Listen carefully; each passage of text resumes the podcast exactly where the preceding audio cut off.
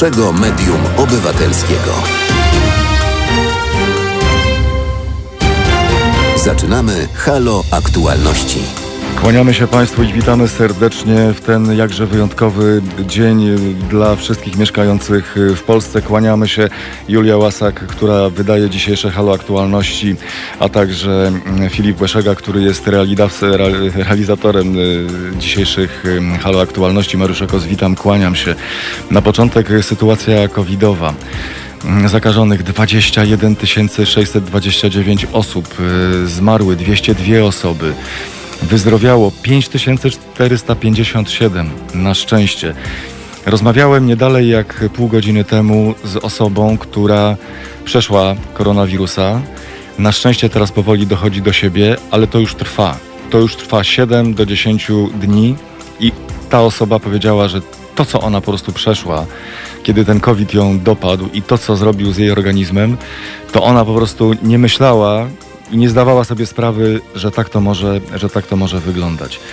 Myślmy o sobie, dbajmy o siebie. 21 629 nowych zakażeń. Jerzy Frydiger, dyrektor Szpitala Specjalistycznego imienia Stefana Żeromskiego, członek Prezydium Rady Lekarskiej, skomentuje dla nas rosnącą liczbę zakażeń COVID-19 i tak naprawdę odpowie albo spróbuje odpowiedzieć na pytanie, do czego do czego to prowadzi? Czy to prowadzi do jakiegoś wygaszenia się tego koronawirusa w końcu, czy też możemy się spodziewać jeszcze większej liczby jeszcze większej liczby y, zakażeń. To oczywiście nie koniec naszych planów na ten jakże wyjątkowy dzień. Patrzymy cały czas, jesteśmy obecni na ulicach Warszawy. Patrzymy czy to przez kamery, czy oczami naszych reporterów i naszych specjalnych korespondentów, którzy będą patrzyli i powiadali Państwu o tym, co się dzieje na ulicach i będą w środku tego wszystkiego. Będą stamtąd nadawali relacje także w formie, w formie wideo. Bardzo gorąco, bardzo gorąco zapraszamy o godzinie 15.30 pod kątem tego, co się dzieje i pod kątem tak dużego zgromadzenia wypowie się Jerzy Dziewulski, antyterrorysta. Porozmawiamy z nim o kwestiach bezpieczeństwa podczas protestów na tak dużą skalę, ale zaczniemy w tej chwili od rzeczy zupełnie innej, mianowicie tego, co Państwu obiecałem, a więc przenosimy się na ulicę, na ulicę Warszawy i patrzymy oczami e, redaktora Jarosława Szczepańskiego na to, co się e, dzieje. Dzień dobry panie redaktorze, co pan widzi, co pan widzi dookoła? Jak to wygląda? Znaczy jak na piątek na godzinę 15.04 to, że tak powiem, ruch jest bardzo niewielki, no bo ani korków y, w miejscu, w którym jestem, czyli na Placu Zawiszy, ani y, no jak nie ma korków, to znaczy, że jest ruch mały.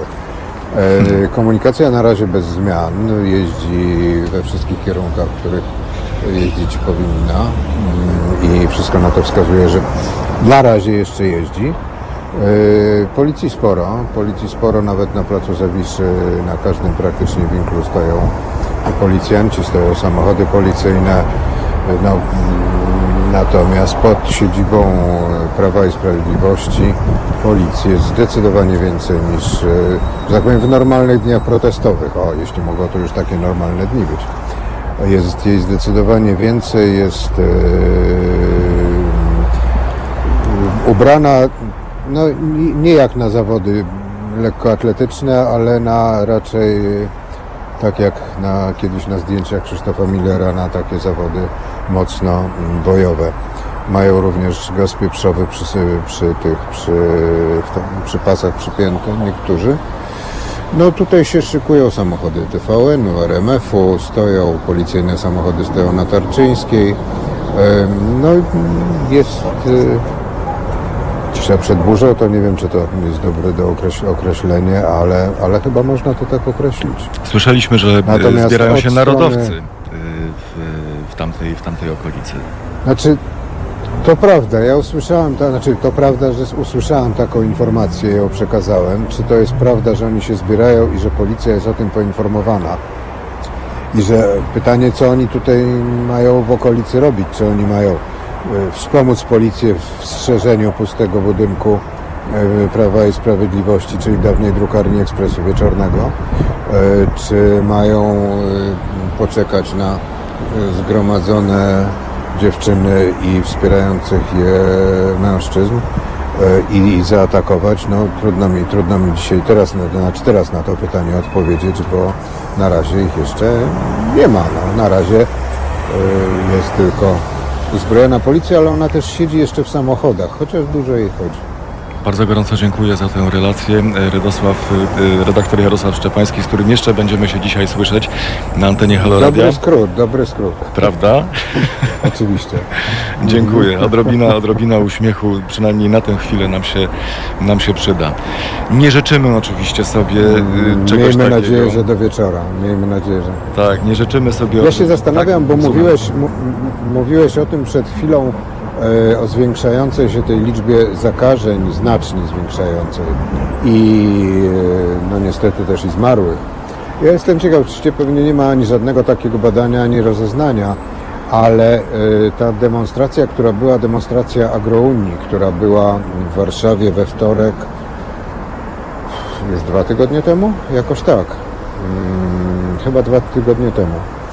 E, bo ona była bardzo liczna, ona też się zaczynała na Placu Zawiszy. E, była, zgromadziła bardzo wielu rolników, e, przynajmniej ludzi podających się za rolników z całego kraju, bo takie mieli transparenty. Mm, Z tym, że część z nich była w maskach, natomiast byli bardzo ciasno zbici. Byli człowiek przy człowieku i potem szli w stronę centrum.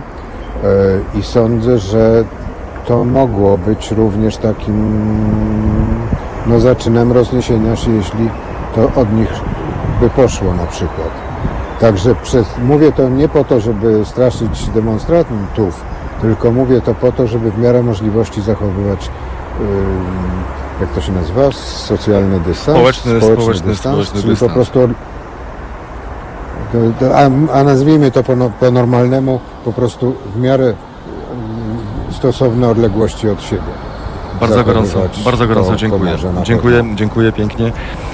E, Redaktor Jarosław e, Szczepański, z którym jak wspomniałem usłyszymy się, usłyszymy się, usłyszymy się jeszcze na antenie e, Halo Radia. Chciałem, kończąc myśl, że chciałem powiedzieć, że media oczywiście żyją takimi wydarzeniami, ale nikomu z nas nie przyszło do głowy, żeby życzyć sobie, żeby zdarzyło się tam cokolwiek, co wykracza poza ramy mm, zgromadzenia ludzi, którzy chcą wyrazić swoje zdanie, swój protest y, w tej sprawie. Żeby nie dochodziło do żadnych aktów y, agresji, bo dla nas to nie jest żadna pożywka i nam to nie sprawia żadnej frajdy i nie chcemy mówić y, o takich rzeczach. Ale jeśli takie rzeczy będą miały miejsce, to Państwu oczywiście o tym, o tym powiemy. Proszę sobie wyobrazić, że y, samochód y, ten, y, który wyruszył na ulicę Warszawy, wczoraj wystartował, dzisiaj też wyruszył w okolicach godziny dziewiątej. Ten nasz samochód specjalny. Agata, powiedz coś. Istotą tego, istotą tego przejazdu i tego pomysłu jest to, chcemy, bo, bo chcemy, żeby Agata Duda zabrała głos. W końcu to jest jej obowiązek. I nie chodzi, tak jak y, mówiliśmy to również wczoraj, żeby mówiła cokolwiek, ale żeby powiedziała coś istotnego z punktu widzenia kobiet, żeby wysłuchała ich, ich, ich, ich głosu, tego, co mają do powiedzenia. Więc proszę sobie wyobrazić, że dzisiaj, y, chwilę po rozpoczęciu trasy, auto zostało oblane czarną, smolistą y, substancją. Mamy zdjęcia, które bardzo chętnie Państwu, Państwu pokażemy na naszej stronie internetowej, tak jak były pokazywane w programie Andrzeja Krajewskiego. A jakby tego było mało, agresor wdał się również w potyczkę słowną z naszym, z naszym kierowcą. Wspólnie ze strajkiem kobiet bronimy praw kobiet. Pilnie też i cały czas obserwujemy e, stronę facebookową e, ogólnopolskiego strajku kobiet. I jak tylko coś się wydarzy na tej stronie, ktokolwiek, e, ktokolwiek będzie, będzie się wypowiadał ze strony ogólnopolskiego strajku kobiet, to my oczywiście Państwu to pokażemy. Ale nie tylko pokażemy, ale również będą Państwo mogli to usłyszeć. Dla tych z Państwa, którzy nie mieli takiej możliwości, byłoby wielką stratą, gdyby Państwo nie usłyszeli z ust e, Marty Lempart e, tego, co powiedziała w czasie przedpołudniowej konferencji, konferencji prasowej. I to skromne, małe przypomnienie w jakże ważnej, istotnej, istotnej sprawy dla wszystkich już za chwilę na antenie Halo Aktualności. Słuchajcie powtórki programu. Słuchacie Halo Aktualności. Zanim przejdziemy do konferencji y, prasowej y, ogólnopolskiego y, strajku kobiet, chcę, żeby Państwo wiedzieli, że Andrzej Duda w tak zwanym międzyczasie przygotował ustawę w sprawie aborcji. Ustawę, która mówi, że przesłanka dotycząca wad, które prowadzą do śmierci dziecka ma być uwzględniona, czy też jest powodem, dla którego, czy punktem, wokół którego prezydent Andrzej Duda zamierza ten projekt y, rozwinąć. Przygotował prezydent y, takie ustawowe rozwiązanie w sprawie aborcji. Projekt ma dotyczyć zawężenia interpretacji wyroku Trybunału Konstytucyjnego. Oświadczenie w tej sprawie pojawiło się już na stronie prezydenta. Andrzej Duda przypomina w nim, że osobiście podziela pogląd, że prawo do życia jest wartością, którą trzeba bezwzględnie chronić i nie można różnicować dzieci na pełno i niepełnosprawne. Będziemy rozwijać ten wątek, będę Państwu mówił więcej, ale teraz, żeby Państwo wiedzieli, w jakiej rzeczywistości funkcjonujemy i co o tym wszystkim sądzi e, Marta Lempart z Ogólnopolskiego Strajku Kobiet. Przypomnijmy przedpołudniową dzisiejszą konferencję prasową.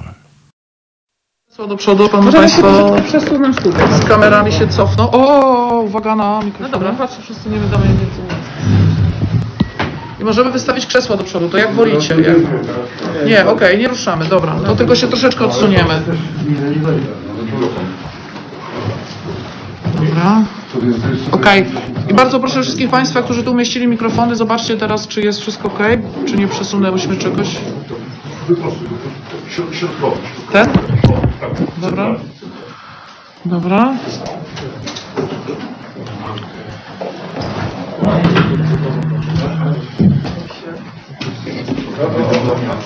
A właśnie, właśnie coś psujemy. Tak? Tak, żeby to było w waszą stronę. Okej, dobra. Wszyscy nas widzą, wszyscy nas słyszą, wszystko działa. E, nie pamiętam kto niestety, ale była prośba o transmisję na żywo. Czekamy, czy zaczynamy? Bo to chyba był TVN, nie wiem, czy mamy... Czy jest TVN z nami? Jest czy nie? Jest. I, czy- i... Tu jest kamera, tu jest tylko. Okej.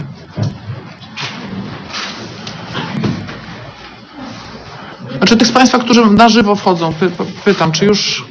Możemy już zaczynać, dobra. E, Dzień dobry Państwu.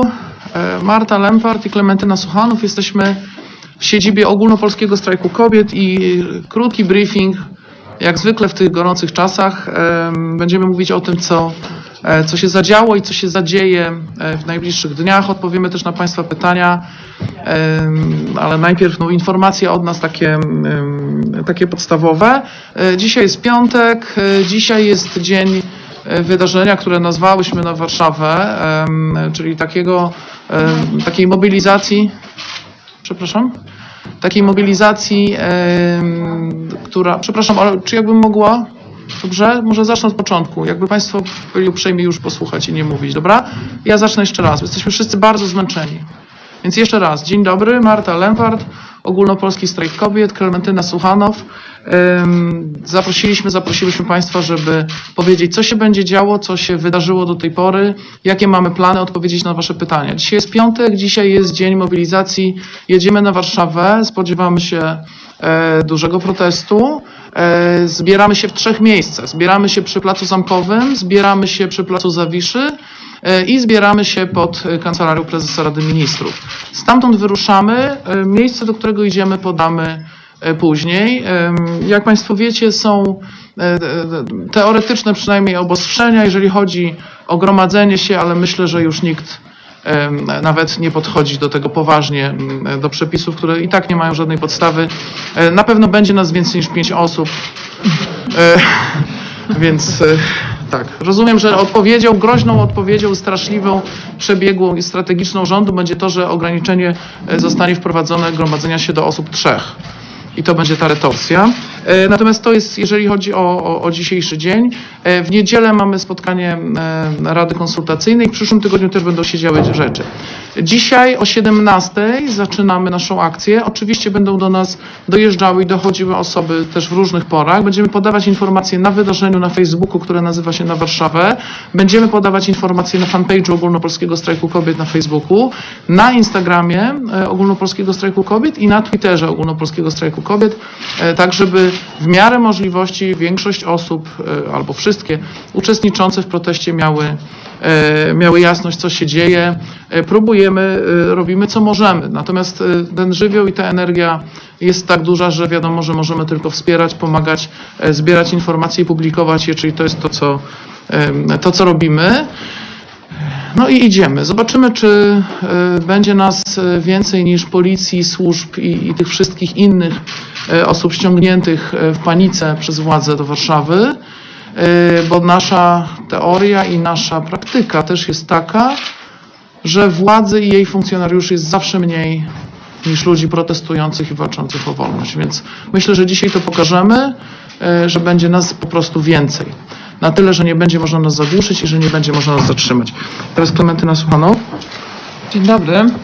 Docierają do nas cały czas informacje o planowanych prowokacjach, jakichś zasadzkach na nasz marsz. E, więc jeszcze raz, tylko bardzo krótko, ale z wielką rzeczywiście prośbą, żeby tego przestrzegać. Apelujemy do rozsądku, do solidarności pomiędzy sobą w trakcie marszu, do opiekowania się sobą, do rozglądania się i zwracania uwagi na to, czy komuś nie stanie się tam e, krzywda. I przypominamy o tym, że e, wprawdzie e, rządzący próbowali nas złapać w e, taką niespodziankę w czasie pandemii. E, Niemniej, e, jak widzimy, obywatelki obywatele wychodzą na ulicy, ale warunki są wciąż pandemiczne. W związku z czym, jako osoby rozsądne, ale też i z duchem rewolucyjnym, apelujemy, żeby maseczki były na twarzach i żeby dbać o podstawy higieny, czyli proszę zabrać ze sobą może żele antybakteryjne czy jakieś środki do dezynfekcji. I apelujemy do rozsądku jeszcze raz e, w sprawie niespożywania alkoholu podczas takiego protestu. I przede wszystkim dbania o siebie oraz e, zapisania sobie numeru telefonów pomocowych, które się na wydarzeniu będą pojawiały. Druga rzecz. E, Wczoraj pan e, Świączkowski, kimkolwiek nie jest, a ponoć jest e, jednym z sługusów e, innego pana, który zwie się Ziobro. E, Mówię z taką dezynwolturą, ponieważ ci panowie wydają się w tym momencie jakimiś śmiesznymi raczej marionetkami niż poważnymi osobnikami. Zapowiedział, że będzie ścigał organizatorki. Tak naprawdę powiedział, że będzie ścigał organizatorów, jakby nie zdawał sobie sprawy, że jest to strajk kobiet. I przyszła taka wiadomość wieczorem, że w Olsztynie zatrzymano e, 14-letnią dziewczynkę. Nie wiemy, czy ta wiadomość jest w pełni wiarygodna, niemniej jednak powtarzam raz jeszcze, że którakolwiek z nas zostanie zatrzymana, będzie to jakby wypowiedzenie ponownej drugiej wojny w stosunku do wszystkich pozostałych. I staniemy solidarnie za każdą jedną taką dziewczynką, kobietą, która będzie represjonowana z powodu tego, że broni swoich praw i swojej godności. E, W tych protestach biorą udział masowo, masowo dzieci, młodzież, osoby młode, studenci. Oni są e, jak- duchem tego protestu, są naszymi dziećmi również. My jesteśmy osobami ciut starszymi od nich i po pierwsze, nie pozwolimy ich skrzywdzić i pomożemy im w każdej sytuacji, więc jeśli komukolwiek dzieje się krzywda, proszę się do nas zgłaszać. A, a po drugie, państwo, które nie dba o swoje dzieci, które te dzieci zamierza, po pierwsze, szczuje na nie w momencie, kiedy są um, y, y, jakiejś innej orientacji, na przykład seksualnej, nie zapewnia im opieki psychiatrycznej, doprowadzając do licznych samobójstw i do pogorszenia w ogóle zdrowia psychicznego o, młodzieży, nie jest państwem dobrym. Chcemy, żebyście wiedzieli, wszyscy młodzi, którzy wychodzicie na ulicę, że jesteśmy z wami i do końca ja, my będziemy walczyć razem z wami, żeby ten kraj zmienić na lepszy, żebyście nie musieli stąd uciekać, żebyście nie musieli się tej Polski wstydzić, żebyście mogli planować tutaj swoje życie, żebyście mogli tutaj zdrowo rosnąć i mieć nadzieję na to, że wasze życie może mieć sens w tym kraju. Dziękuję bardzo. My jesteśmy też w kontakcie e, z organizatorkami, z organizatorami protestów w różnych miejscach w Polsce, e, bo tak jak podkreślam, to nie jest tak, że strajk kobiet e, organizuje wszystkie protesty we wszystkich miejscowościach, to by było oczywiście niemożliwe. Mamy do czynienia z oddolnym ruchem, któremu my służymy ze wszystkich sił, naszym doświadczeniem, naszym wsparciem, naszymi zasięgami, naszymi kontaktami. I wiemy, że jest dość, duże, mm, dość duży odzew na e, różne pogróżki, które kierują panowie w stosunku do organizatorów i organizatorek, e, ale widzę też, jak wielka jest solidarność wśród ludzi, którzy właśnie robią to po raz pierwszy, albo jest to jeden z pierwszych razów. E, I wiemy już, że ta sieć solidarności powstaje.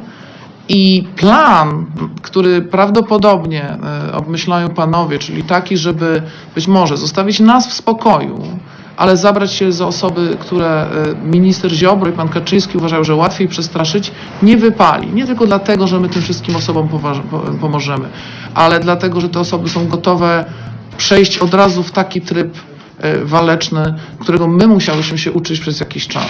Ten postęp jest dużo szybszy. Ludzie, którzy teraz wychodzą na ulicę, ludzie, którzy teraz się buntują, e, bardzo szybko odrabiają lekcje, wszystkie te lekcje, które myśmy odrabiały przez dłuższy czas. E, Także jeżeli plan jest taki, żeby aresztować sobie 30 osób w różnych miejscach Polski, wybierając tych, którzy e, wydają się zaangażowani po raz pierwszy albo są mniej zaangażowani, to zapewniam, że ten plan nie wypali, bo widzę, co dzieje się i widzimy, co dzieje się wśród tych osób.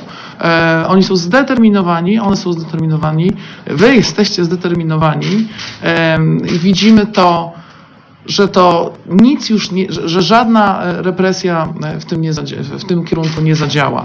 Także taka rozproszona. Także jeżeli jest pomysł na represję rozproszoną, to my odpowiemy solidarnością rozproszoną, która nas tylko wzmocni. Więc jak panowie sobie knujecie na Nowogrodzkiej, to ten plan też jest niedobry.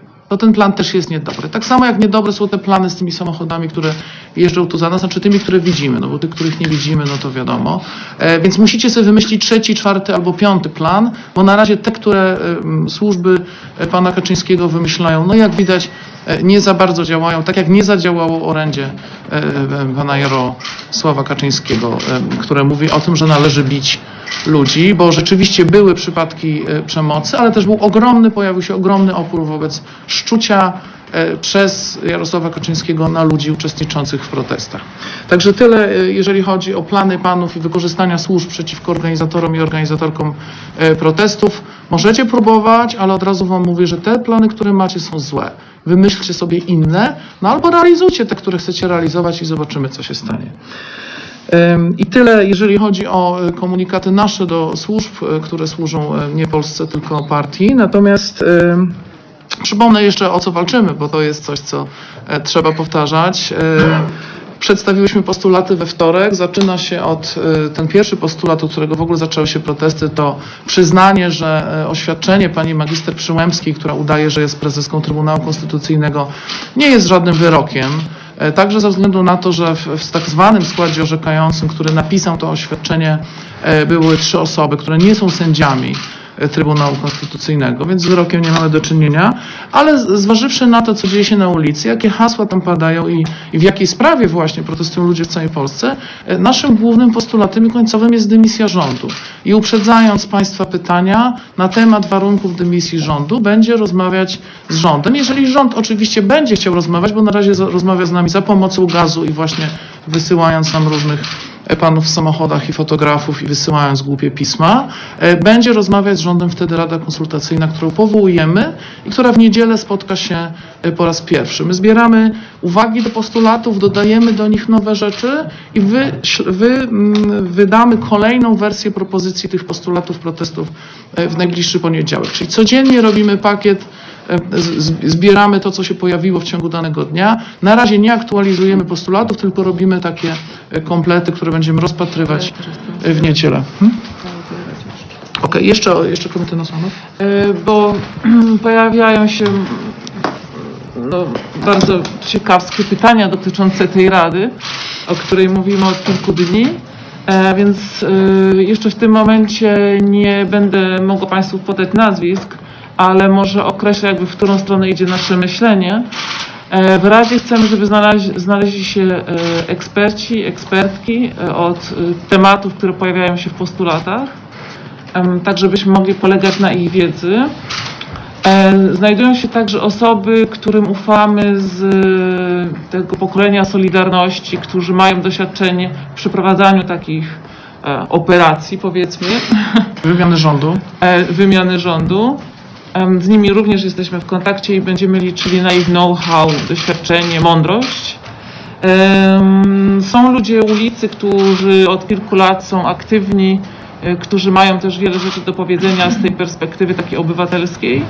E, Ponieważ ulice wypełniają obecnie młodzi, na pewno będą tam również przedstawiciele młodzieży, która, którą widzimy tak tłumnie na ulicach. Tak jest. Pytania? O, ja cię. E, może od lewej, dobrze? Bo Państwo jednocześnie ręce wszyscy podnieśli, więc... E, Chciałam zapytać, dzisiaj pojawiła się informacja, że sędziowie są stawiani w stan gotowości i mają być e, przygotowani do rozpatrywania natychmiastowego wniosków aresztowych. Czy tę informację macie i czy w związku z tym macie jakieś instrukcje dla protestujących? Mamy wszystkie informacje, od razu możemy Państwa zapewnić, mamy wszystkie informacje, większość z nich mamy po 300 razy, e, także bardzo dziękujemy, naprawdę wszystko do nas dociera. E, wiemy, że Panowie sobie właśnie piszą różne pisemka, że wychodzą z różnych e, resortów, co dowodzi no, ostatecznego już upadku państwa, kiedy e, mamy sytuację, kiedy władza szykuje się na rozprawę z, z obywatelkami, z obywatelami i właśnie pisze różne pisma. Wiemy, że tak będzie, czyli że wiemy, że aparat państwa jest pod- postawiony w stan gotowości e, i że mogą się wydarzać różne rzeczy i informacje przekazujemy na bieżąco, ale główna informacja jest taka. E, Wiemy, że te e, sposoby, które były do tej pory używane, czyli e, próby karania ludzi za, z, z- kodeksu wykroczeń, za organizowanie zgromadzeń, za tak zwane budzenie publicznego zgorszenia, czyli za, za przekleństwa z kodeksu ewentualnie drogowego, no to to już rozumiem, że panowie wreszcie się zorientowali, że to nie działa i że nie można kogoś powstrzymać o, o walki o wolność, jak mu się postawi zarzut, na przykład tak jak mnie, umieszczania reklamy bez zgody zarządcy w odniesieniu do plakatu na bramie biskupa. No więc sięgają po następne środki, straszą tą karą do do 8 lat więzienia za budzenie, za zagrożeniem e, epidemiczne. E, Natomiast odpowiedź jest taka. Po pierwsze, zagrożenie epidemiczne wygenerowało e, państwo nasze, które ignoruje pandemię, ignorowało ją, a do tego zmusiło nas do wychodzenia. To jest po pierwsze. Po drugie, e, żeby postawić komuś taki zarzut, to trzeba, tak jak w każdym przypadku, zwłaszcza spraw karnych, udowodnić związek przyczynowo-skutkowy. Czyli trzeba by udowodnić, pan Ziobro musiałby udowodnić, że ktoś spowodował konkretne szkody u konkretnej osoby e, bez, bez żadnej wątpliwości. Więc wiemy, że to jest bzdura, natomiast mogą dziać się takie rzeczy. Jest sieć prawników e, współpracująca. Robimy co możemy, to znaczy naszym celem też jest już, już później wsparcie takiego call center, czy stworzenie naprawdę jednego miejsca, gdzie będą informacje rozchodziły się po całej Polsce i będzie kierowana bezpośrednio pomoc. E, Jesteśmy w trakcie tego. Dzisiaj zrobimy co możemy tymi zasobami, nawet nie my. Dzisiaj będą to robić osoby, które robią to od wielu miesięcy, a tak naprawdę od wielu lat. E, Będą informacje też u nas na fanpage'u, gdzie się można kontaktować, jak się można kontaktować. Przypominam, że e, kluczowe sytuacje i, tutaj będziemy Państwa ewentualnie prosić o, o, o, o taką, taką wyrozumiałość i rozsądek. Jeżeli nie jesteście zatrzymani, a tylko jesteście spisani e, albo ktoś Wam straszy zarzutami, e, Was straszy zarzutami, to poczekajmy z tym, bardzo prosimy do poniedziałku, bo najważniejsze jest to, żeby się e, dowiedzieć, kto jest zatrzymany, gdzie został przewieziony. Sytuacja jest bardzo prosta. Jeżeli widzicie, że ktoś jest zatrzymywany, po pierwsze powiedzcie policji, żeby go wypuściła. Czasem to się udaje, zależy ilu Was jest, natomiast nie wolno stosować przemocy, to jest chyba oczywiste dla wszystkich.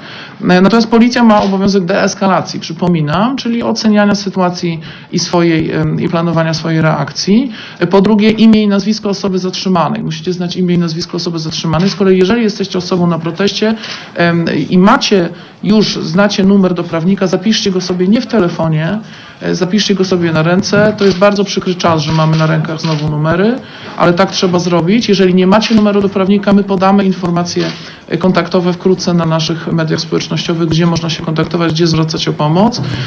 Jesteśmy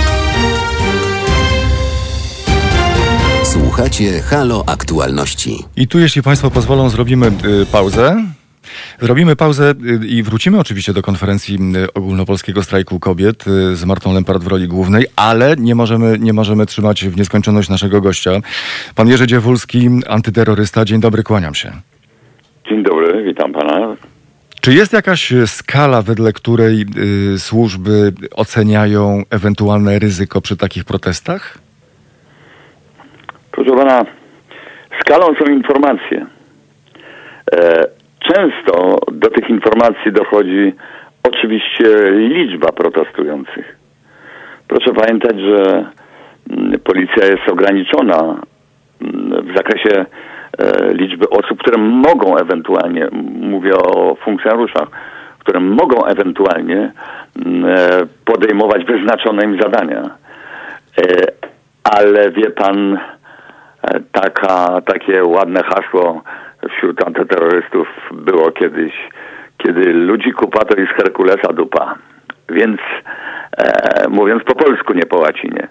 E, w związku z czym rzeczywiście mm, mm, liczba mm, e, demonstrujących, ich jakość w sensie e, w sensie takim powiedzmy e, różnych zachowań e, często mm, decyduje o tym, czy policja ma powód do tego, aby mm, aby podnosić u siebie ten e, poziom bezpieczeństwa i, i, i oczywiście ściągać różnego rodzaju środki, także techniczne, do pomocy i do wsparcia. Jak pan ocenia poziom ryzyka, że te zgromadzenia dzisiejsze przerodzą się w y, coś, co wymknie się spod kontroli? Proszę pana, e, w sytuacji planowania, bo proszę pamiętać o tym, że policjanci przygotowując się do tego typu e, e, demonstracji, em, czy do osłony, czy do przeciwdziałania, planują.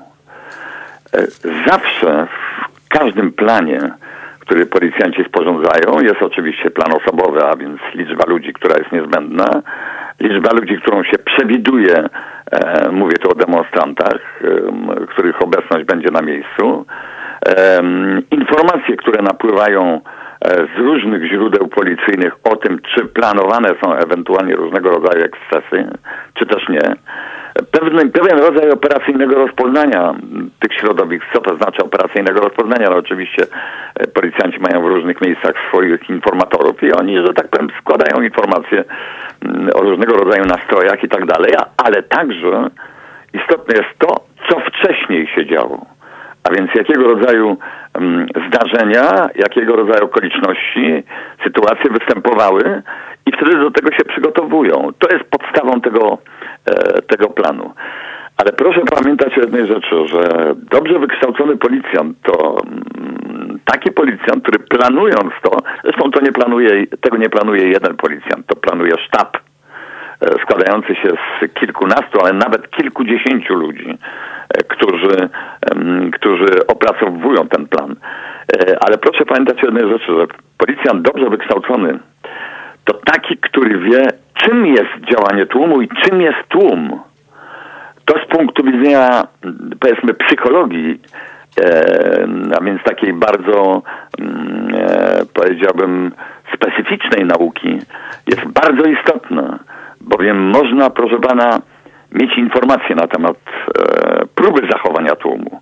Można mieć, proszę pana, doświadczenie wynikające z poprzednich mm, zdarzeń, ale tłum potrafi w ułamku sekundy w zależności od okoliczności, od sytuacji, przerodzić się, proszę pana, z tłumu, dam przykład, akurat nie dotyczy to tej sytuacji, na przykład z tłumu religijnego, który śpiewa pieśni kościelne yy, i nagle ktoś zobaczy, mm, czego oczywiście nie widzi, ale wystarczy, że rzuci hasło, że objawiła mu się Matka Boska.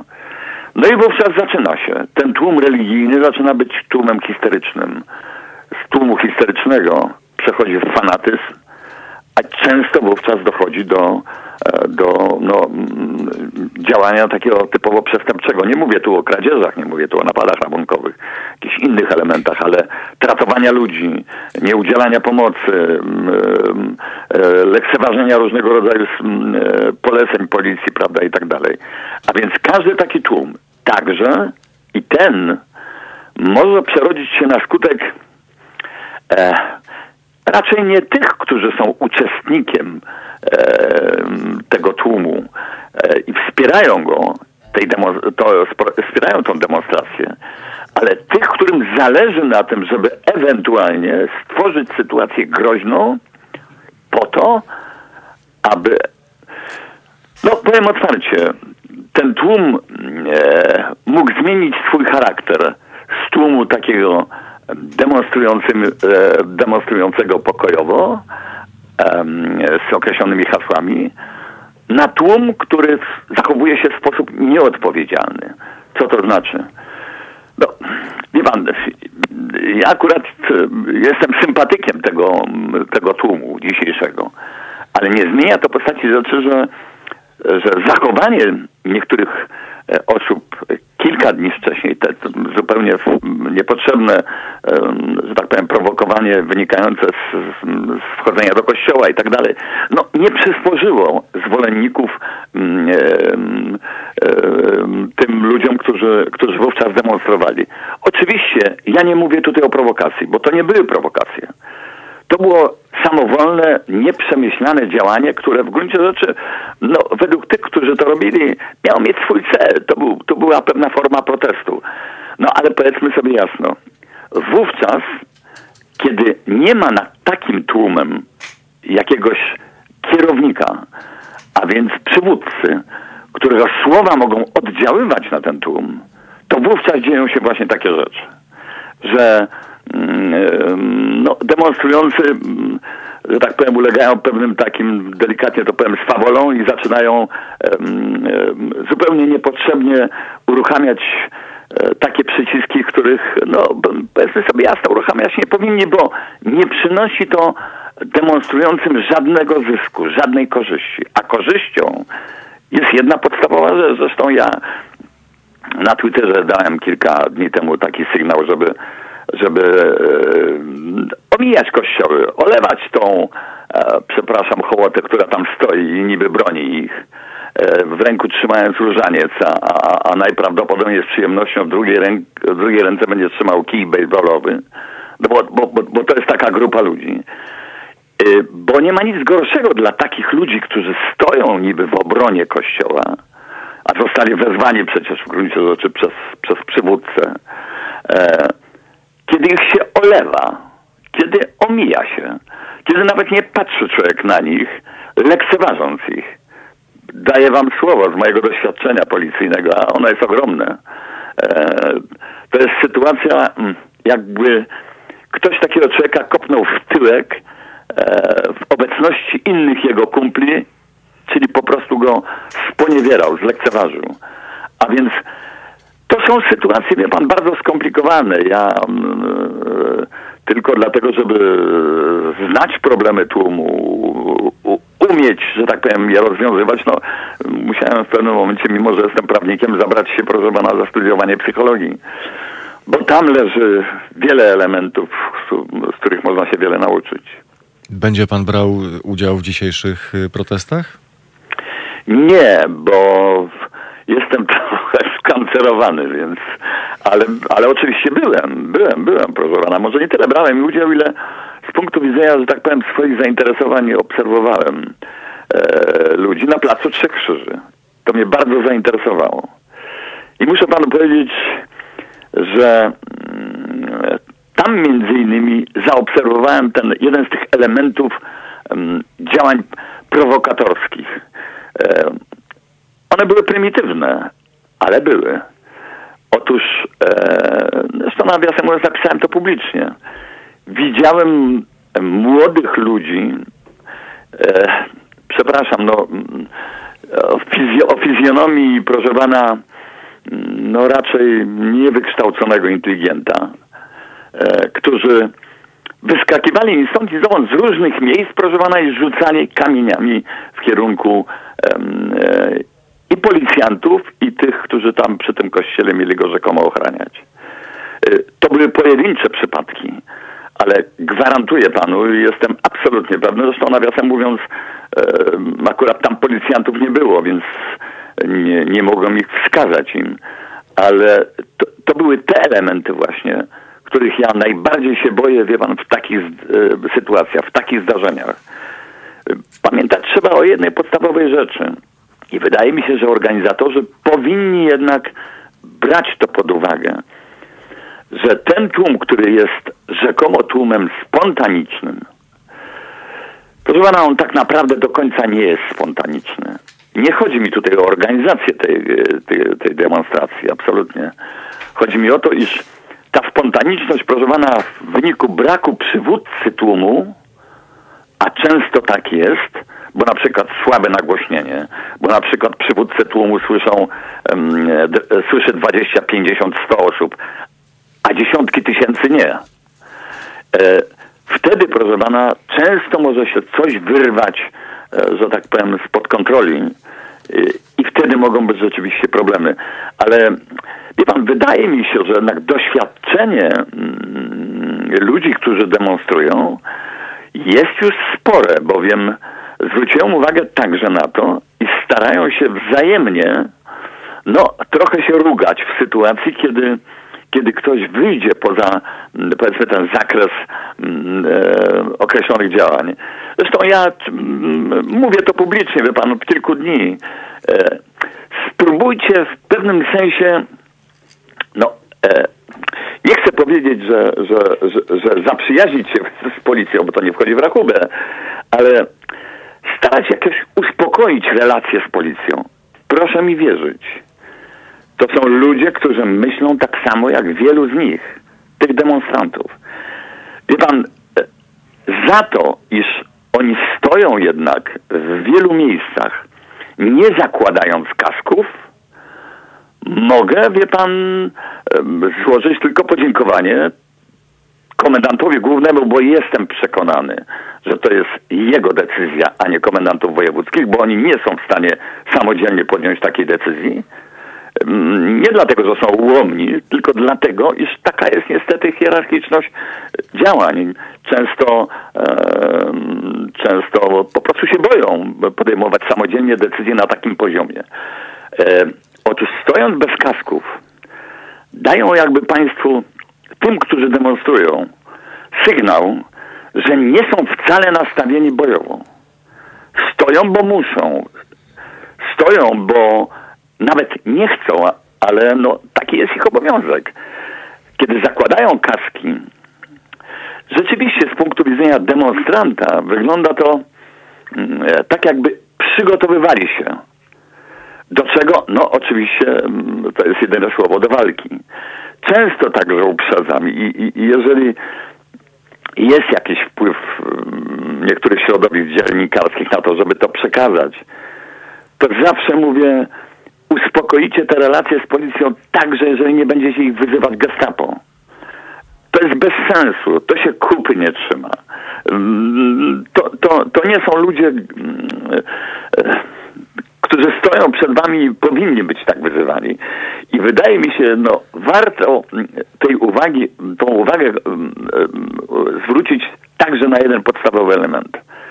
Kiedy policjanci stoją w kaskach z tarczami, w szyku, czyli na przykład w jakimś określonym rzędzie, szeregu, nie zbliżać się bliżej jak 2,5-3 metry. Jeżeli ktoś bliżej podchodzi, e, reakcja policjantów zawsze jest taka, iż myślą, iż jest to pewien zaczyn próby ataku. A więc jeżeli nawet stoicie 2-3 metry i coś tam do policjantów mówicie, to pamiętajcie także o tym, że oni wam nie odpowiedzą. No, słyszę, że niektórzy odpowiadają, ale to jest oznaka, że odpowiadając nie boją się. To jest oznaka, że nie są wam nieprzychylni. Oczywiście ja nie mówię tutaj o rzucaniu mm, w swoim kierunku wyzwiskami, tylko, tylko od, na jakieś tam powiedzmy sobie rzucane słowa czy zdania w stosunku do policjantów. A więc zachować ten dystans dwóch, trzech metrów i, i, i, i gwarantuję, że nie będzie tutaj e, takiej powiedzmy z inicjatywy policji interwencji. Policjanci mają w tej chwili naprawdę ogromny problem. I muszę Państwu powiedzieć, że ten problem polega między innymi na tym, iż i to gwarantuję w zasadzie, że będą ograniczać liczbę legitymowań z prostej przyczyny. Jest ich za mało. Taktyka działania policjantów w takiej sytuacji jest wyjątkowo specyficzna. Polega między innymi na tym, kiedy jest to możliwe oczywiście, nie w tym przypadku, polega oczy- m, na tym, iż stojąc na przykład w szeregu, w określonym szyku, broniąc określonej pozycji, e, współpracują z nimi policjanci po cywilnemu i ich zadaniem jest zatrzymywanie i legitymowanie. Ale czy jest to możliwe w takich warunkach? Nie jest to możliwe. Zapewniam Państwa, że funkcjonariusze, którzy stoją przy szyku, w zasadzie nie wolno im złamać tego szyku. Co to oznacza? Nie może z niego wyjść, zrobić otwór. Czyli po prostu dziurę w murze. No tak to nazwijmy. Bo przez tą dziurę natychmiast ten tłum się wleje. Zatem ci policjanci nie wychodzą i nie legitymują i legitymować nie będą. Jest ich za mało i bądźcie spokojni moim zdaniem, bo, bo em, sam fakt nawet używania słów wulgarnych, nawet trzymania transparentu, chociaż niektóre słowa ja tak Bogiem prawdą sam przeklinam, więc nie widzę nic złego w, w rzucaniu słów, które, że tak powiem, podtrzymują wiarę tych, którzy demonstrują, a także podtrzymują ich agresję i, i, i, i, jakby pokazują ich determinację. Także ja byłbym tu dzisiaj spokojny. Boję się tylko jedną rzecz. Żeby bojówki, do, której, do których wzywał e, pan Kaczyński, nawiasem mówiąc, przepraszam, użyję tego słowa, ale zbrodnicze wezwanie. Takich rzeczy nie wolno robić. Nie wolno przeciwstawiać policji jakiejś prywatnej służby, w cudzysłowie oczywiście, która ma bronić czegoś, czego bronieniem, obowiązkiem e, bronienia jest, e, zajmuje się policja. Nie może być dwóch władzy służb w takim miejscu. Ktoś próbuje stworzyć jakąś e, kibolską służbę, która ma bronić obiektu, który e, broni z punktu widzenia, że tak powiem, działania ustawy i, i, i całej służby, który broni policja. Cóż to za historia? Y, Prawo nie przewiduje współpracy em, e, pododdziałów em, zwartych policji e, z grupami, no, które po pierwsze mm, nie mają żadnych uprawnień i które nie mogą współpracować z policją, bo taktyka policyjna na to po prostu nie pozwala. Zatem wie pan, no e, tutaj się e, rozchodzą drogi e, gadania głupot przez polityków z, z rzeczywistą sytuacją, z sytuacją prawną. Jasna sprawa. Także wie pan, no myślę, że ten tłum na pewno będą zdarzenia. Co do tego nie mam cienia wątpliwości, bo, bo ludzie, którzy zostali wezwani do obrony, proszę pana, przyjęli to szerzej. Zapewniam pana. Myśli pan, że ja nie mam kumpli, którzy byli w Legii, proszę pana, którzy byli, e, którzy siedzieli na tych trybunach. No dzisiaj to są starsi panowie mocno, więc... więc Szanowny, szanowny panie Jerzy, szanowny panie Jerzy, bo muszę też, muszę też zapytać pana doktora Kładocznego o to, jak z punktu prawnego y, zapytać y, i reagować i kogo pytać w ogóle o pomoc. Ale bardzo gorąco dziękuję, dziękuję panu za, za, za te tak naprawdę instrukcje postępowania w czasie dzisiejszych, dzisiejszych protestów. Antyterrorysta Jerzy Dziewulski na antenie Halo Radia. Dziękuję, kłaniam się. Wszystkiego dobrego. Kłaniam się państwu. Obiecany gość, pan doktor Kładoczny. Dzień dobry, kłaniam się panie doktorze. Bardzo mi miło. Słuchałem z przyjemnością z wypowiedzi, ży, e, żywych wypowiedzi pana, e, pana Dziewulskiego. I nie, Co nie dziwię się, że to nie co właśnie, zostało mało czasu. Odbyło się to, ale tylko w pewnym sensie, kosztem y, trwania Mhm. naszej rozmowy, ale y, mamy na to, mamy na to, mamy na to czas. Dostosowujemy się do sytuacji. Powiedział pan, że z Tak. przyjemnością słuchał pan wypowiedzi y, pana Jerzego Dziewulskiego. Dlaczego? No dlatego, że była w formie żywa, e, a bardzo merytoryczna, jeżeli chodzi o kwestie, e, które na sobie też chciałem ewentualnie zwrócić uwagę, ale w mniejszym stopniu już muszę. No w szczególności na to, żeby e, uczestnicy zgromadzeń nie prowokowali policji i o tym też mówił pan, pan, pan Jerzy Dziewulski. E, Bo e, tak jak też to, też, też, też to mówił, no, to są e, normalni ludzie, to, to nie, nie są jacyś wyjęci ze spoza społeczeństwa, ale ludzie, którzy przy, przy, przyjeżdżają po to tylko, żeby pacyfikować zgromadzenia. Oni mają swoje rodziny, mają żony, dzieci, córki, prawda? I, i, I sami nie są przekonani co do tego pewnie, co się, co się wydarzyło w Trybunale Konstytucyjnym, przynajmniej w jakiejś części, tak jak społeczeństwo też nie jest w całości przekonane. I w związku z tym no, te- tego należałoby unikać, żeby nie dawać powodu do interwencji, do, do interwencji policji e, i przed tym przestrzegał, o tak bym powiedział, żeby, żeby tutaj nie, nie, nie prowokować. Z drugiej strony policja dobrze, że jest, muszę to powiedzieć. E, Nie, że w ogóle jest, tylko że będzie obecna na tych e, zgromadzeniach. Mam nadzieję, że będzie asystować im tylko. Ale właśnie z tego powodu, o którym mówił pan Jerzy Dziewulski również, czyli ze względu na to, że e, z tego, co się słyszy, mogło się pojawić e, bojówki czy ugrupowania, powiedziałbym, skrajne w drugą stronę, e, czy też w ogóle po prostu skrajne, które no, mogłyby chcieć wprowadzać swój własny ład, czy swoje własne e, pomysły w życie i myślę, że przeciwko takim o- osobom policja powinna również e, albo przede wszystkim występować, które by chciały e, pacyfikować i brać na siebie rolę, rolę policjanta, czy też szeryfa, który zaprowadzi porządek. Myślę, że tutaj moglibyśmy oczekiwać od policji e, no, tego, że, że, że, że, że będzie pilnować, żeby ktoś na własną rękę nie, nie chciał e, pacyfikować zgromadzeń. A z punktu widzenia prawa, co powinniśmy zrobić? Jak powinniśmy zareagować, kiedy widzimy, że w stosunku y, do kogoś y, innego, kto stoi blisko nas, y, dokonują się akty, akty agresji? Rzucić się z pomocą? Czy stać biernie No, i to- po prostu patrzeć, co się stanie? No tak, na to pytanie nie można odpowiedzieć tak prosto, ponieważ zależy od tego, jakie to są formy, e, formy agresji. No bo jeżeli ktoś e, rzuca e, słowem, które przyjmuje się w Polsce uważać za nieprzyzwoite, ja mam do tego podobne zdanie, jak myślę, e, co pan Jerzy Dziewulski przed chwilą mówił, e, czyli no, to, to trudno e, oczekiwać, pomagać komuś, że skoro ty mówisz, że przeciwko mnie używasz słów nieprzyzwoitych, to ja cię wtedy uderzę. To w żadnym razie. Myślę sobie, że y, na takim, na takim zgromadzeniu każdy powinien y, no, odpowiadać za siebie. Jeżeli natomiast no, widzi, y, że y, następują jakieś działania, które mogą spowodować niepamiętaną stratę, bo mogę sobie wyobrazić czy szkodę, czy krzywdę, e, bo mogę sobie wyobrazić na przykład, nie wiem, że mam do czynienia czy- z czymś innym niż agresja słowna, na przykład, nie wiem, z, z pobiciem, no to oczywiście może, choć nie ma obowiązku, stanąć w obronie takiej osoby. Obrona konieczna jest dopuszczalna jak najbardziej, natomiast nie jest, nie jest obowiązkiem niczyim. Prawda? Natomiast no więc nie, nie będę udzielał porad, porad moralnych komuś, kto komuś, o, o, o kim nie wiem w jakiej jest sytuacji, prawda? Bo to też nie jest tak łatwo powiedzieć. Natomiast z całą pewnością, jeżeli dzieje się komuś krzywda, a policja jest w pobliżu, można by się zastanowić, czy do takiej policji jednak się nie zwrócić, że, że ktoś tutaj działa, działa e, w ten sposób, że może ktoś stracić zdrowie, nie daj Boże życie. E, Bo, no bo to można zrobić. Natomiast mówię, to jest kwestia e, dobrej woli każdego, każdego z nas, czy zechce komuś pomagać, czy też nie. Pamiętajmy też o tym, że jeżeli źle rozpoznamy e, sytuację i e, nam się ok- okaże się, że nie działaliśmy wcale w obronie koniecznej, no to to, że nasze dobre intencje niekoniecznie nas e, będą e, później usprawiedliwiać.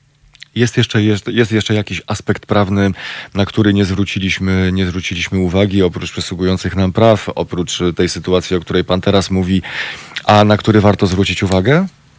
No ja myślę, że na wszelki wypadek dobrze by było mieć, idąc na, e, na, na, na, takie zgromadzenie, e, przy takim e, napięciu społecznym, jednak jakiś kontakt do, do e, obrońcy, do, do adwokata bądź radcy prawnego, na wszelki wypadek, gdyby nastąpiła taka konieczność, e, żeby się nim posłużyć, czyli móc powiedzieć, ja zadzwonię, żebym od razu takiego e, obrońcę w takiej sytuacji miał, gdyby ktoś stawiał zarzuty, że popełniłem czyn zabroniony. Mm, Czy to będzie przestępstwo, czy wykroczenie, bo po prostu lepiej być na to przygotowanym. Nie mówię, że to jest potrzebne, mam nadzieję, że nie będzie, ale nie jest, nie jest źle takie, takie, taki mm, ze sobą numer, numer mieć i móc zadzwonić. Oczywiście dobrze jest też poinformować kogoś, to raczej praktycznie niż prawnie, poinformować kogoś, że się jest, żeby móc zadzwonić i żeby tak inna osoba ewentualnie mogła uruchomić pomoc prawną. Bo bez tego może być, e, zawsze jest trudniej, po prostu bronić się samemu. Myśli pan, y, że to się wszystko dobrze skończy? Y, Nie wiemy, co pan redaktor ma na myśli, mówiąc to wszystko. Y, Myślimy o dzisiejszym dniu, czy się dobrze skończy, czy o y, szerszej perspektywie. Składając, składając od, przechodząc od jednego elementu do drugiego, najpierw dzisiaj niech się dobrze skończy, potem jutro niech się dobrze To na pewno, skończy. to tego życzymy. Tego życzymy wszystkim, żeby się dobrze skończyło. Natomiast pytanie, co to znaczy, że się dobrze skończy. Jak rozumiem, zgromadzenia, te protesty są wywołane przede wszystkim taką, można powiedzieć, opinią, którą e, wydano w Trybunale Konstytucyjnym na temat e, ustawy, e, ustawy o planowaniu rodziny i w, tym widzę, upatruję przede wszystkim, przede wszystkim główny powód tego, tego zamieszania, które mamy tych protestów. Oczywiście do tego dochodzi wcześniejsze nie, nie, nieprawości obecnej władzy, która podeptała prawo i, i w związku z tym, z tym prawem jest, no właściwie one, którzy się już śmieją, że prawa w Polsce nie ma. W związku z tym też muszę zaznaczyć, że powoływanie się w związku z tym rządzących na to prawo w różnych miejscach, że to właśnie demonstrujący naruszają prawo, no to jest trochę, trochę bym powiedział hipokryzja również, prawda? Bo to, ale nie, żebym nawoływał do naruszania prawa, natomiast no, miejmy tego świadomość, że tutaj ta strona, która która najpierw e, pogwałciła e, przepisy o Trybunale Konstytucyjnym, w ogóle przepisy Konstytucji i, i, i dalej dotyczące sądów, e, prokuratury, no to teraz powołuje się na to, że jest prawo i trzeba go przestrzegać i wysyła, i wysyła policję, więc to też trzeba mieć tego świadomość. Tym niemniej, no podstawową takim impulsem bezpośrednim, bym powiedział, może nie podstawową, ale bezpośrednim była ta opinia dana w Trybunale Konstytucyjnym. No i w związku z tym, w związku z tym poważne zagrożenie dla, dla osób, które chciały osoby, decydować o sobie, e, a teraz nie mogą. I to trzeba by zlikwidować tę przyczynę e, tych e, protestów i wystąpień i dopiero wtedy można by mówić o tym, że coś się zakończyło dobrze. Czy to będzie kompromisowe zakończenie, mniej lub bardziej, no ale z tego, to, z tego, z tego wzięło początek te, wzięły początek te zgromadzenia i te, i te protesty, więc myślę, że bez jakiejś reakcji tej, w zakresie tej tematyki, no one się nie skończą. Bardzo gorąco. Tutaj to, ważne jest to, żeby to się dobrze skończyło przede wszystkim. No, oczywiście mm. poza tym, żebyśmy wszyscy przestrzegali prawa, myślę tu w szczególności o władzy. Bardzo gorąco dziękuję. Pan Piotr Kładoszny, sekretarz zarządu Helsińskiej Fundacji Praw Człowieka oraz szefie działu prawnego, wykładowca w Instytucie Prawa Karnego Uniwersytetu Warszawskiego, członek zespołu ekspertów prawnych przy Fundacji Batorego specjalnie dla Państwa.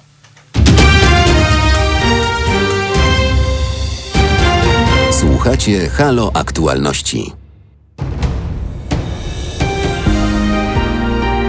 W poniedziałek od 21 do 23 rozmawia z Państwem Jerzy Bokłażec o duchowości i ateizmie w jednym wieczornym programie. 21-23 zapraszamy. www.halo.radio. Słuchaj na żywo, a potem z podcastów.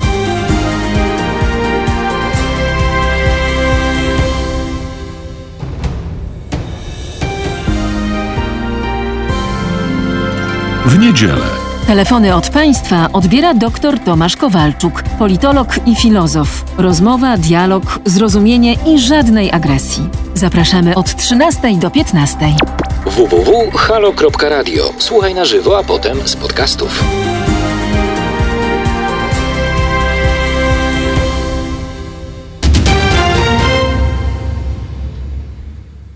Pani Olga Komorowska na antenie Halo Radia. Dzień dobry, kłaniam się pani. Dzień dobry. Chciałem Pani bardzo gorąco podziękować za to, że zgodziła się Pani opowiedzieć swoją osobistą historię i podzielić się swoimi osobistymi e, doświadczeniami.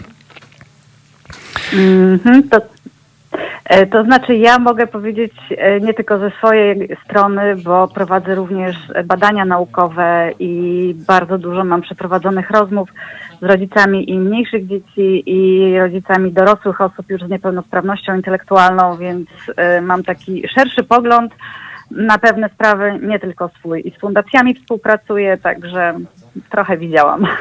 bo, chcemy, bo chcemy porozmawiać również y, na gruncie Pani osobistych y, doświadczeń o sytuacji, mhm. o sytuacji rodzin, które, mm, które żyją i do których dołączają dzieci, które rodzą się z jakąś formą niepełnosprawności. Mhm. Jak wygląda świat y, takich osób? Mm, w momencie, jeżeli jest tych ludzi, rodzin, bo tutaj trzeba też szerzej, szerzej w tym momencie, w tym pierwszym momencie trzeba popatrzeć, bo to jest i matka, i ojciec, i rodzeństwo. E, I w momencie, jeżeli jest taka diagnoza o niepełnosprawności, że urodziło się dziecko z niepełnosprawnością, to jest to duże, duży szok dla rodziców, bardzo wielu rodziców, Nawet mówi się, że mm, to jest e, taki okres, e, że rodzice muszą przejść taki okres, jak się przechodzi po śmierci dziecka, czyli okres żałoby, po pełnosprawnym e, dziecku i są te różne etapy. e, U niektórych są te etapy dłuższe, u niektórych są krótsze etapy, czyli odrzucenie informacji, e, walka z tym, potem jest akceptacja. Mm, I jeżeli chodzi o wsparcie y, takich rodzin, to muszę powiedzieć, że w Polsce na tą chwilę jest y, słabe. Słabe pod wieloma względami. To jest nie tylko jeżeli chodzi o rehabilitację, bo rehabilitacja akurat dziecka samego, to jeszcze tego małego, to jeszcze jest y, w miarę ogarnięta przez różne i fundacje, stowarzyszenia, mm, Narodowy Fundusz Zdrowia. Natomiast nie ma innej, e, innego wsparcia, które dotyczyłoby całej rodziny jako takiej jednostki społecznej. E, Matka zostaje z tym sama, ojciec zostaje sam, e, rodzeństwo zostaje również z tym same.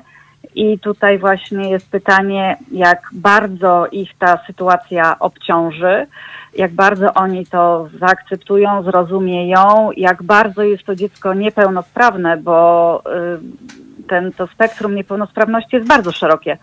Em, tu bardzo dużo mówi się w tej chwili o zespole Downa, ale to jest ym, nie tylko zespół Downa. Ja w zasadzie jak e, trafiłam e, do ośrodka wczesnej interwencji, to kierowniczka tego ośrodka mi powiedziała, że mam się cieszyć, że to jest dziecko z zespołem Downa, ponieważ jest to jedno z najłagodniejszych em, takich, no, mm, e, rzeczy, które mogłyby mnie spotkać przy, w kontekście niepełnosprawności dziecka. I dzisiaj, po 18 latach, bo Agata ma lat 18, e, mogę powiedzieć, że tak, że zdecydowanie się z tym zgadzam. E, Natomiast samej e, niepełnosprawności przy samym zespole Downa jest również e, też bardzo duże zróżnicowanie e, dzieci, jak one funkcjonują. Są e, osoby, które funkcjonują całkiem dobrze, ale są osoby, które funkcjonują słabo, więc jest tutaj duże zróżnicowanie. I, i teraz, jeżeli e, mogę dalej sięgnąć, jakbyśmy przechodzili w rozwoju tego dziecka, to dla mnie najgorszym etapem, najcięższym w przypadku takiej rodziny matki jest dorosłość tej osoby z niepełnosprawnością intelektualną, moment, kiedy ona wychodzi z, e, spod opieki szkoły, bo wtedy jest czarna, czarna dziura. A jeszcze w międzyczasie y, w wielu przypadkach matka zostaje sama.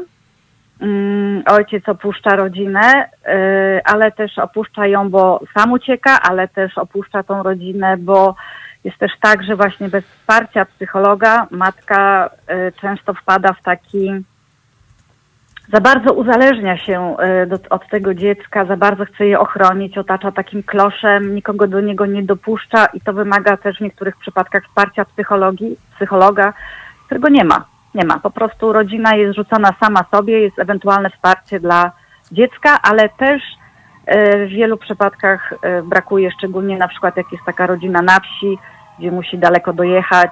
Co innego jest w mieście, gdzie ja mieszkam, w dużym mieście Gdańsk, tak? Także to są takie, no, temat rzeka. Bardzo gorąco dziękuję, że zechciała Pani podzielić się swoimi osobistymi historiami, przedstawiła nam sytuację, sytuację takich rodzin e, w Polsce. Mhm, dziękuję. Bardzo gorąco dziękuję. Pani Olga Komorowska na antenie Halo Aktualności. I mamy dla Państwa e, drugą, bardzo osobistą historię. Dzień dobry Pani Kasiu. Witam serdecznie. Będzie Pani protestować, będzie Pani protestować dzisiaj? Czy nie za bardzo, bo jakby nie ma możliwości yy, być na proteście, aczkolwiek no, sercem jestem z tymi kobietami, tak? Znaczy, no, generalnie cała sytuacja, prawda, z, mnie bardzo poruszyła y, ta cała sytuacja z tym wyrokiem Trybunału, ponieważ y, dotyczy ona, znaczy on, on do tego dąży, teraz na razie jakby nie ma przesłanek, ale słyszałam, że tego dąży, że kobiety, które, nie wiem, zostały zgwałcone, wykorzystane, e, to też po prostu mają te dzieci rodzić, tak? I miałam taką sytuację bardzo trudną w wieku lat 15, że mnie wypadłam ofiarą gwałtu zbiorowego, prawda? I gdybym, gdybym teraz y, się w takiej sytuacji znalazła, nie miała wyboru, tak, gdyby ta ciąża była, to, to jest tragedia, tak, dla mnie to byłaby tragedia. Miałam też sytuację taką, że padłam ofiarą, no, też gwałtu, próby morderstwa w wieku dorosłym i też jakby, no, akurat w ciąży nie, nie zaszłam, tak, ale gdyby taka sytuacja miała miejsce, gdybym nie miała wyboru, no to to jest jakby wyrok na kobietę, tak, no bo ja sobie nie wyobrażam takim ciężarem e, być zmuszona do podejmowania, podejmowania decyzji w jedną stronę, tak? Że jakby politycy według mnie są jakby odrealnieni, tak? Nie, nie mają pojęcia, na czym to życie polega, czy z czym się borykają kobiety, tak? Mam też córkę niepełnosprawną, tak naprawdę to gdyby nie to, że pracuję, gdyby nie to, że się staram, to tak naprawdę byłabym jakby skazana na siebie, tak? Ale jakby no, zdecydowałam się na to dziecko, tak? Bo córka zachorowała później po prostu. No, ale w momencie, gdybym była teraz tej sytuacji, w której byłam mając lat 15, no to byłoby po prostu ciężko, tak? Mam nadzieję, że to się wszystko po prostu y, rozwiąże w taki sposób, y, no dla nas kobiet najlepszy, tak? Gdybyśmy miały ten wybór, bo ciężko mi w ogóle to mówić, tak? No bo ja no, jestem od, od wielu lat na wyparciu, tak? tej sytuacji. No ale pewne jakby tam sygnały docierają do mnie, że jest z tym mi ciężko, tak? Czy mogła Pani No. liczyć, czy mogła Pani liczyć e, na jakąkolwiek, e, na jakąkolwiek pomoc, aby, aby poradzić sobie z takimi doświadczeniami? Znaczy tak, y, wtedy jak byłam mło- młoda, no to generalnie no, moje życie się układało bardzo źle, tak? Więc jakby no, uciekałam od tej sytuacji. No jak byłam już dorosła i ta sytuacja miała miejsce, bo 29 lat miałam, to generalnie do tej pory się jakby toczy sprawa przeciwko temu sprawcy, tak? Jakby wsparcia zbyt dużego nie miałam, no musiałam go na własną rękę szukać, no ale to też się wiąże z rozmawianiem o całej sytuacji. Ja mówię, no to są tak patowe sytuacje, że no wyparcie jest, tak, jakby od tego, co się tak naprawdę czuję. No i gdzieś tam mówię, pewne sytuacje życiowe gdzieś tam uruchomiałem ten schemat. No mówię, no jakby no kontakt z drugim człowiekiem, komu się zaufa, no to ciężko, tak, ciężko, bo to jakby no skonfrontowanie się z tymi emocjami, tak jak naprawdę się tu czuję, no to jest ciężko, tak, to jest praca na terapię, tak. Jakieś tam próby podejmowałam oczywiście, ale no ciężko jakby otworzyć tak na 100% i, i się skonfrontować z tym, co, co się po prostu przeżyło, tak? Chciałaby Pani jakimiś słowami e, wesprzeć jeszcze dodatkowo e, kobiety, które będą dzisiaj protestowały w Polsce? Tak, chciałabym wesprzeć, y, życzyć y, przede wszystkim bezpieczeństwa, żeby no nikt, nikt nie chciał krzywdy im zrobić. No bo jednak y, wiadomo, co się dzieje, tak? Żeby no, że są silne i są wielkie, tak? I dziękuję jakby też y, za siebie, tak? Jakby też w moim imieniu one walczą, tak? Całym sercem jestem. No i trzymam kciuki. Ja tam wierzę, że to wszystko się po prostu ruszy i ta siła po prostu pokona te takie tu manipulacje nami, tak? Tylko tyle chciałam powiedzieć, że całym sercem jestem i no mówię, od samego tego czwartku, co ten wyrok mm, się, się jakby pojawił, tak? Po prostu ja jestem oburzona i ja wierzę, że po prostu dobra jakaś siła zadba o te kobiety i o nas, tak? O to jakby to, to cała sprawa dotyczy wszystkich, więc takich zwykłych ludzi, którzy się borykają z tym na co dzień, tak? Z wieloma problemami, tak?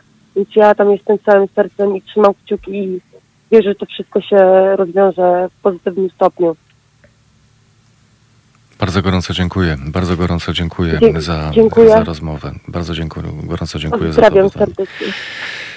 Dziękuję, proszę Państwa. Dzisiaj, dzisiaj kobiety w całej Polsce e, demonstrują, dzisiaj protestują. Cały czas patrzymy na to, co dzieje się na stronach ogólnopolskiego strajku kobiet. Tak, aby niczego nie przeoczyć e, z rzeczy ważnych, istotnych, które e, kobiety z ogólnopolskiego strajku kobiet e, chcą nam przekazać.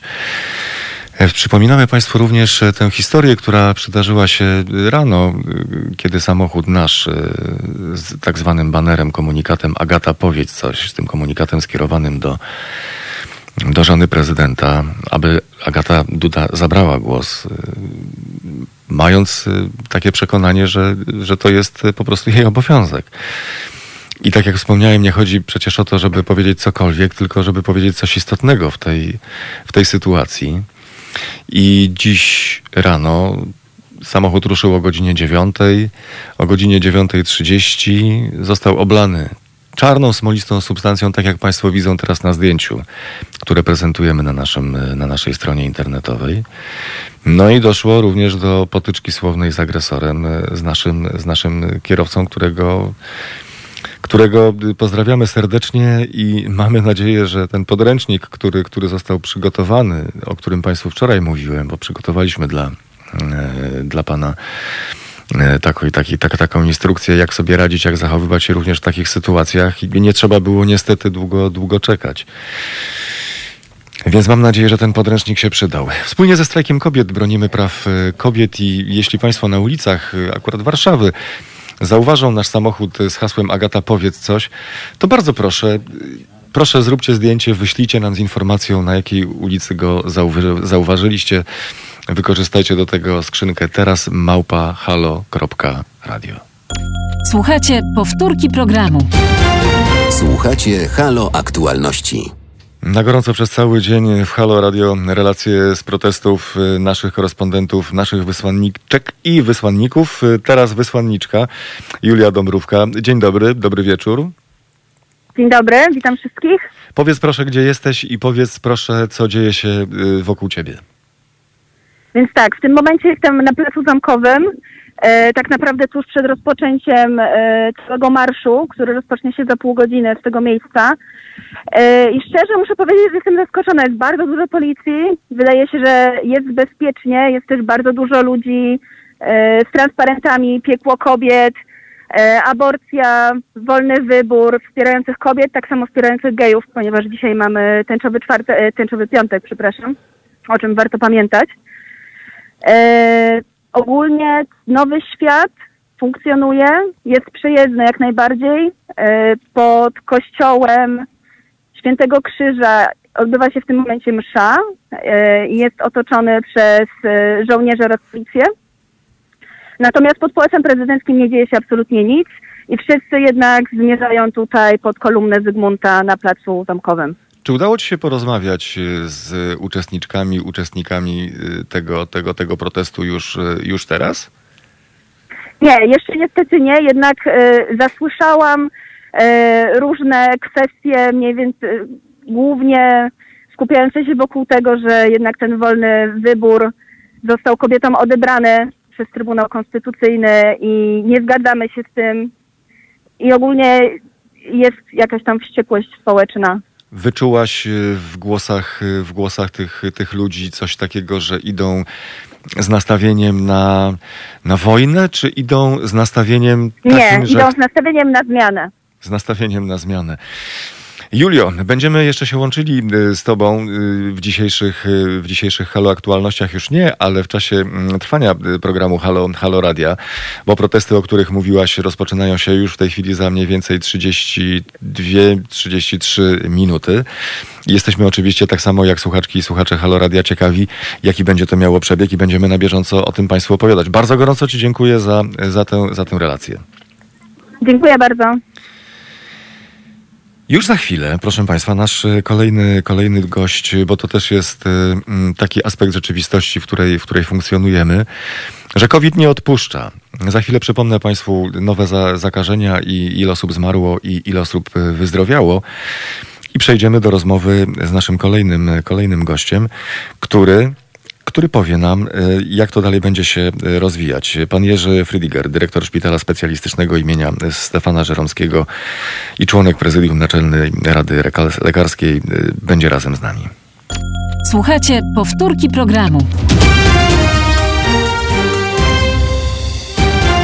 Słuchacie Halo Aktualności. Raport covidowy-19 jest następujący. Zakażonych 21 629 osób, zmarło 202, wyzdrowiało 5457. Pan Jerzy Friediger, dyrektor Szpitala Specjalistycznego imienia Stefana Żeromskiego, a także członek Prezydium Rady, Naczelnej Rady Lekarskiej razem z nami. Dzień dobry panu. Dzień dobry panie redaktorze. A pan ciągle w drodze, albo kolejny raz w drodze. Nie, ja ciągle zdrowy. No co poradzę? Jak w drodze, w drodze. Nie, na razie. W drodze, nie zdrowy, bo to, że zdrowy, to ja się bardzo drodze, cieszę. W tak. drodze. O czym Drodze, świadczą... No jadę z pracy do domu. O czym świadczą te liczby y, dzisiejszych zakażonych, y, nowych zakażonych osób? Wie pan co, ja się pocieszam, że to są liczby zakażonych. Na szczęście są to liczby osób zainfekowanych, a niekoniecznie chorych. Bo jako chory to ja rozumiem tego, kto ma objawy choroby, a nie u kogo się tylko stwierdza obecność wirusa. No tym niemniej liczby są co najmniej niepokojące. Liczby są alarmujące. W jakiej kondycji psychofizycznej y, jest pan, no i oczywiście y, wszystkie lekarki i lekarze w Polsce? Ja myślę, że w nie najlepszej. Yy, Bo tak, pracujemy bardzo ciężko. No ja z zabiórka, więc może nie tak ciężko. Natomiast moje koleżanki i koledzy pracują niesłychanie ciężko i w zamian za to wie pan z czym się spotykają. Ja już nie chcę się odnosić do wypowiedzi niektórych polityków. No ale od tego czasu, kiedy pan premier ze swoimi bili nam brawo, minęło trochę czasu. Teraz się mówi, że lekarzom się nie chce pracować. No każdemu wolno, jest wolność słowa, każdemu wolno mówić to, co chce. Co by państwu w tej Ale chwili, to- co by państwu w tej chwili y, pomogło najbardziej? Na czym rząd powinien skupić swoje działania, gdyby chciał państwu y, pomóc? Ja myślę, że y, przede wszystkim, znaczy ja mówię w tej chwili z punktu widzenia zarządzającego szpitalem. Mhm. Przede wszystkim, gdybym mógł koleżankom i kolegom, którzy pracują, y, zapłacić tyle, im się, ile im się należy. Gdyby szpital mógł dostać na swoje funkcjonowanie tyle pieniędzy, ile powinien, żebym nie mógł być, nie musiał być zawsze y, w pozycji y, proszącego. Ale to jest jedna strona medalu. Natomiast druga strona medalu, czyli myślę to, co by chcieli moi koledzy, prócz oczywiście godnego zarobku, y, to jeszcze, żeby wrócił szacunek. Pewien szacunek do ciężkiej, odpowiedzialnej pracy, do pracy niejednokrotnie niebezpiecznej, żeby byle kto nie wywrzaskiwał na sorze chamskich y, okrzyków, no to są rzeczy, które bym chciał przede wszystkim. Premier Mateusz Morawiecki y, zdecydował, cmentarze będą zamknięte 31 października, 1 listopada, w Dzień Wszystkich Świętych oraz w Dzień Zaduszny 2 listopada. To jest dobra decyzja? Wie pan, trudno o taką jednoznaczną odpowiedź. E, Z punktu widzenia epidemiologicznego pewnie dobra, bo jest na pewno konsultowana z ludźmi, którzy wiedzą yy, o co chodzi. Z punktu widzenia takiego, że tak powiem, no, społecznego, rodzinnego, pewnie zła. No wszyscy jesteśmy już przyzwyczajeni od wielu lat, że to jest ten dzień, kiedy się y, wspomina naszych zmarłych, kiedy się o nich myśli. Pewnie, że myśleć można niekoniecznie na cmentarzu, yy, ale ta symboliczna świeczka to jest jednak coś, co wszyscy mamy gdzieś głęboko zakorzenione. Yy, Te kwiaty na grób, no brak tego na pewno będzie, będzie odczuwalny. Pewnie, że można to zrobić w przyszłym tygodniu, ale myślę, że wiele osób uważa, że to nie to samo. Także mam takie ambiwalentne uczucia, ale gdybym miał postawić zdrowie przeciwko obyczajom, to byłbym za zdrowiem. Wspiera pan dzisiejsze y, protesty kobiet? Wie pan co, nie interesuję się specjalnie polityką. Mam inne zadania swoje, dość ciężkie i nie chciałbym się wypowiadać w Oczywiście. sprawach politycznych. Tak, Oczywiście. Oczywiście, oczywiście, doskonale, doskonale, doskonale rozumiem. Bardzo gorąco dziękuję za spotkanie. Wiem, że już pan wraca po pracy do domu po ciężkim dniu pracy, więc życzę odpoczynku i spokojnego, spokojnego weekendu. Bardzo dziękuję. Dziękuję bardzo, również kłaniam się do widzenia. Pan Jerzy Frydiger, dyrektor Szpitala Specjalistycznego imienia Stefana Żeromskiego, członek prezydium Naczelnej Rady Lekarskiej y, w Halo Aktualnościach. Obiecałem Państwu wrócić do tego, do tego tematu, czyli projektu prezydenckiego. Y, Prezydent Andrzej Duda właśnie ogłosił y, swój pomysł, że zamierza przedstawić swój projekt, który poddaje pod rozwagę i który, jak rozumiem, chciałby, aby znalazł zastosowanie w polskim, w polskim prawie. Otóż... Uwzględniając wskazania Trybunału, cytuję, uwzględniając wskazania Trybunału, projekt ten, czyli y, jego, przewiduje wprowadzenie nowej przesłanki, która przywraca możliwość przerywania ciąży w sposób zgodny z zasadami Konstytucji Rzeczypospolitej Polskiej, jedynie w przypadku wystąpienia tzw. Tak wad letalnych, gdy badania prenatalne lub inne przesłanki medyczne wskazują na wysokie prawdopodobieństwo, że dziecko urodzi się martwe albo obarczone nieuleczalną chorobą lub wadą, prowadzącą niechybnie i bezpośrednio do śmierci dziecka, bez względu na zastosowane działania terapeutyczne.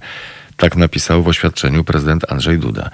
I dodał, że po uchwaleniu jego ustawy w polskim prawie nadal będą obowiązywać trzy przesłanki do legalnego usunięcia ciąży. Z powodu zagrożenia życia i zdrowia matki, z powodu gwałtu lub kazirodztwa, z powodu ciężkiego i nieodwracalnego uszkodzenia płodu, które prowadzi do śmierci e, dziecka. I zdaniem prezydenta takie rozwiązanie oddaje istotę ustawy uchwalonej w 1993 roku i jest zgodne z orzeczeniami Trybunału Konstytucyjnego. Prezydent powiedział, liczę na szeroki konsensus polityczny w tej sprawie, zwłaszcza, że poparcie dla podobnego rozwiązania prawnego deklarowali publicznie przedstawiciele różnych partii politycznych. Bardzo gorąco dziękuję za dzisiejsze spotkanie z Państwem, za dzisiejsze Halo Aktualności. Proszę pozostać z nami, dlatego że za chwilę Kuba Wątły i tak jak robimy to od samego rana, na bieżąco relacjonujemy Państwu otaczającą nas rzeczywistość. Mamy swoich reporterów Halo Radio, którzy będą y, na bieżąco informowali nas i Państwa przede wszystkim o tym, co dzieje się w trakcie protestów, jakie one mają przebieg. Y, wśród y, naszych korespondentów i Mariusz Gzyl, a także Jarosław Szczepański, których Państwo znają z anteny Halo Radia. A dzisiejszym, dzisiejszą osobą, która wydawała Halo Aktualności to Julia Łysak zaś Filip Łeszega realizował dzisiejsze Halo Aktualności. Za chwilę Kuba Wątły, który będzie wraz z zaproszonymi przez siebie gośćmi komentował albo prosił o komentarz dotyczący rzeczywistości i na bieżąco będzie relacjonował również to, co dzieje się w Polsce w ramach protestów. Dziękujemy za spotkanie. Do usłyszenia. To były Halo Aktualności. Na kolejny program zapraszamy w poniedziałek o godzinie 15.